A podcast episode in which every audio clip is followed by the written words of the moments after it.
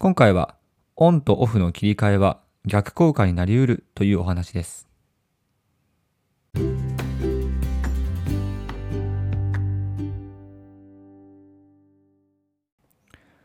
皆さんこんばんは。ヒロトのふらっと独り言。本日もお話を始めていきます。はい。えー今日は月曜日ですね。僕はですね、もう休みの日からもう仕事モードに切り替えるのがもうすごい苦手で、はい。もうなかなかもう休みの感覚が抜けなくて、うん、ま仕事の始めの、本当に初めの段階、うん、もうなかなかやる気が出ないというのが一つ悩みです。はい。もう皆さんどうでしょうか？うん、もうそれこそもう仕事がもうめちゃくちゃできる方なんかは、もうオンとオフの切り替えが、まあすごい上手い方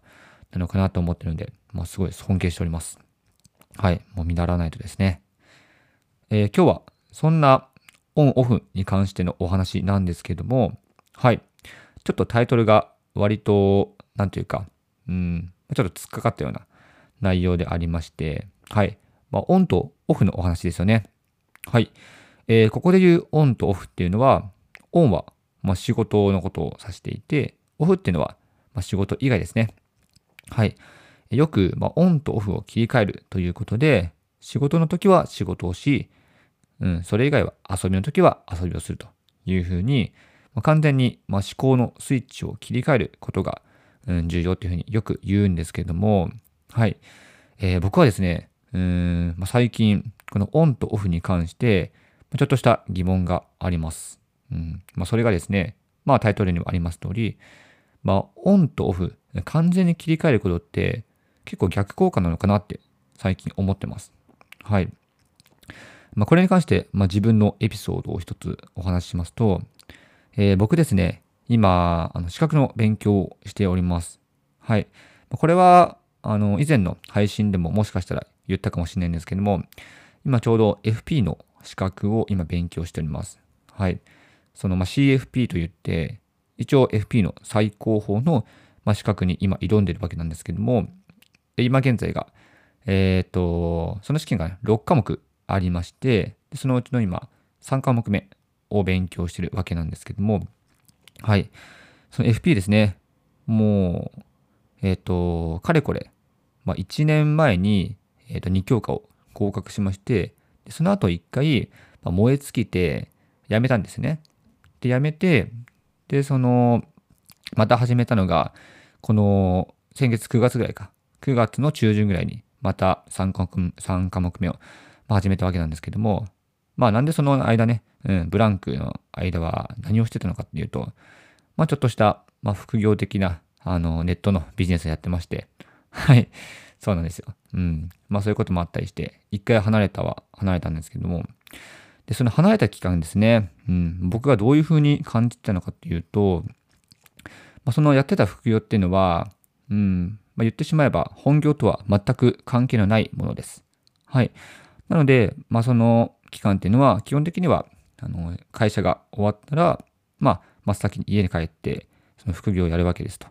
いうことで、で、またその副業が終わって、次の日から、えっ、と、また本業の仕事をして、で、帰ってきたら副業っていうふうに、まあ、基本的にはそのサイクルで、まあ、かれこれ、そうですね、うん、まあ1年弱ぐらいやっていたわけなんですけども、まあ、その時って、うん、まあ、会社から帰ってきたら、まあ、完全に、まあ、切り替わるわけじゃないですか。で、その切り替えて、でまた次の日になると、うん、なんかちょっと、まあ、憂鬱なんですよね。うん。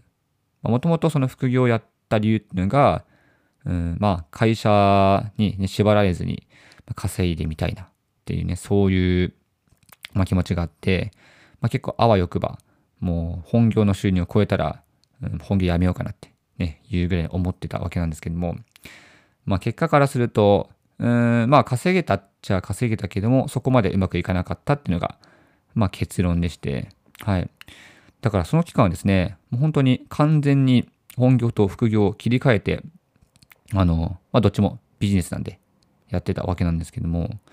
やっぱその時っていうのはね、うん、本当に、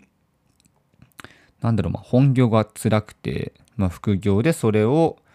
うん、カバーするみたいな、そんな感じでした。はい。なんですけども、まあ、その副業があまり将来性がないというか、うん、ちょっと自分には、ましんどいなと思って辞めたわけでして、その辞めた後に、うん、まあ、FP の、ま資格の試験が、ま残っていたので、まあ、ちょっとやってみるかと。うん、やることも、まあ、特にないわけではないんですけれども、うん、ちょっとこの副業やってた分、まあ、ぽっかりと、まあ、心が空いてしまったなっていうこともあって、うんまあ、やり残していた、まあ、FP に、まあ、取り掛かろうかなと思ったんですけども、その FP を、まあ、ちょうど先月ぐらいから、まあ、再び始めまして、でそしたらその FP っていうのは、まあ、僕本業があの金融機関で勤めてるわけなので、まあ、非常に関連性は高いんですよね。うん。まあ、なので、仕事が終わっても、基本的にはその金融関係のことを勉強してる。うん。まあ、勉強の一環として、まあ、その、まあ、資格試験はやってるわけで、うんまあ、そうなると、まあ、常に頭の片隅には、その、まあ、FP 関連とか、まあ、金融関連のことがあるわけなんですよ。うん。で、結構そういう、なんだろう、ずっと生活に、まあ、仕事がつきまうとって、まあ、ストレスに感じるのかなって、僕は最初すごい思ってはいたんですけども、でもいざやってみると、まあ、意外とそんなこともなくて、うん、逆になんか完全にオフじゃなくて、ある程度頭の片隅でも、まあ、仕事のことがあることによって、うんまあ、次の日の、まあ、切り替えっていうのがまスムーズにいく、うんまあ、そんな結構まあ僕の中ではプラスのイメージを持つことができました。はい。まあこれなんでかなってね、あの最近感じまして、うん。まあ一つ、まあ例を挙げて、うん、これ説明すると分かりやすいなと思ったんですけども、あの皆さんが今お使いの、まあ、スマートフォンあると思うんですよ。はい。まあ、スマホって当然、まあ何でもね、あのー、ま、電化製品もそうですし、うん、こういったデバイスもそうなんですけども、まあ、電源がオンであれば、もういつでも、まあ、検索をしたりとか、まあ、動画を見たりとか、あとは仕事のツールとして活用したりとかできると思うんですけども、でこれを完全に電池を切ると、電池、電源か、電源を切ると。まあ、いわゆるまあ、完全なシャットダウン状態ですね。はい。それしてしまうと、じゃあ次に、そのスマホで、まあ、ね、何か作業したいってなった時に、また一から電源をつけて、で、立ち上がるのを待って、で、仕事に取り掛かるっていう、うん、そういった、まあ、ある程度の時間を要するわけなんですね。はい。で、その時間を要するだけじゃなくて、その立ち上がった後って結構ね、バッテリーって減ってることが多いんですね。うん。まあ、結構使い古したスマートフォンだと、もうその、えっ、ー、と、数値っていうか、うん、バッテリーの減りっていうのが露骨に見えると思うんですけれども、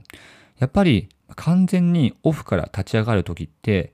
非常に時間もかかるし、バッテリーも食うので、まあ、これ人間に表すと、めちゃくちゃあのエネルギーを使うことなんですよ。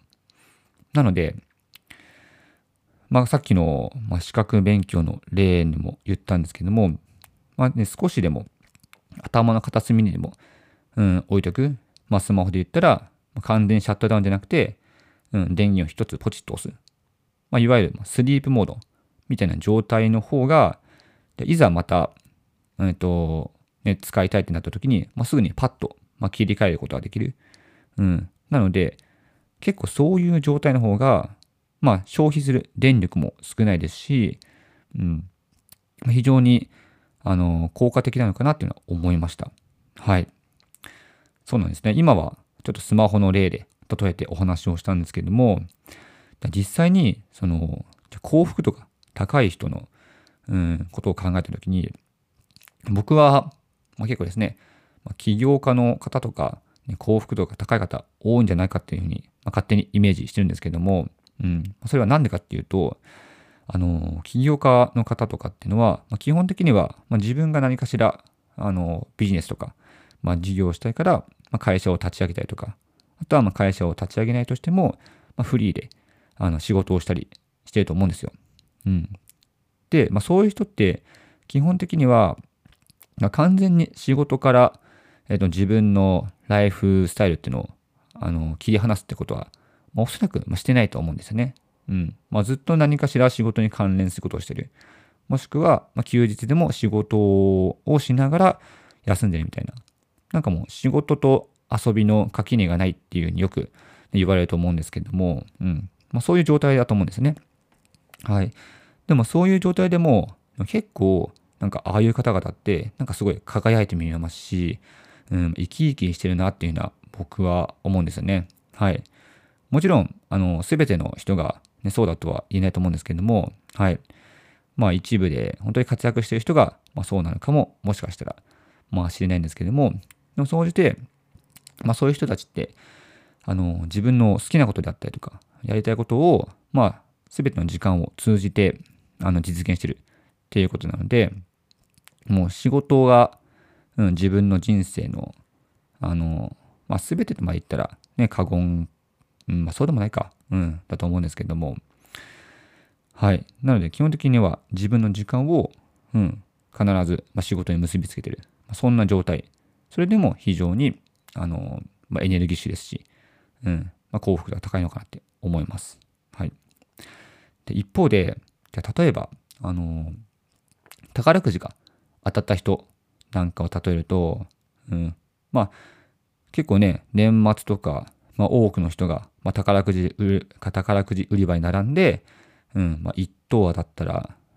いくらだ今は ?6 億円とか、うん、7億円とかあるのかな。うん、まあ、結構もう、まあ、億単位の額が、まあ、もらえるわけじゃないですか。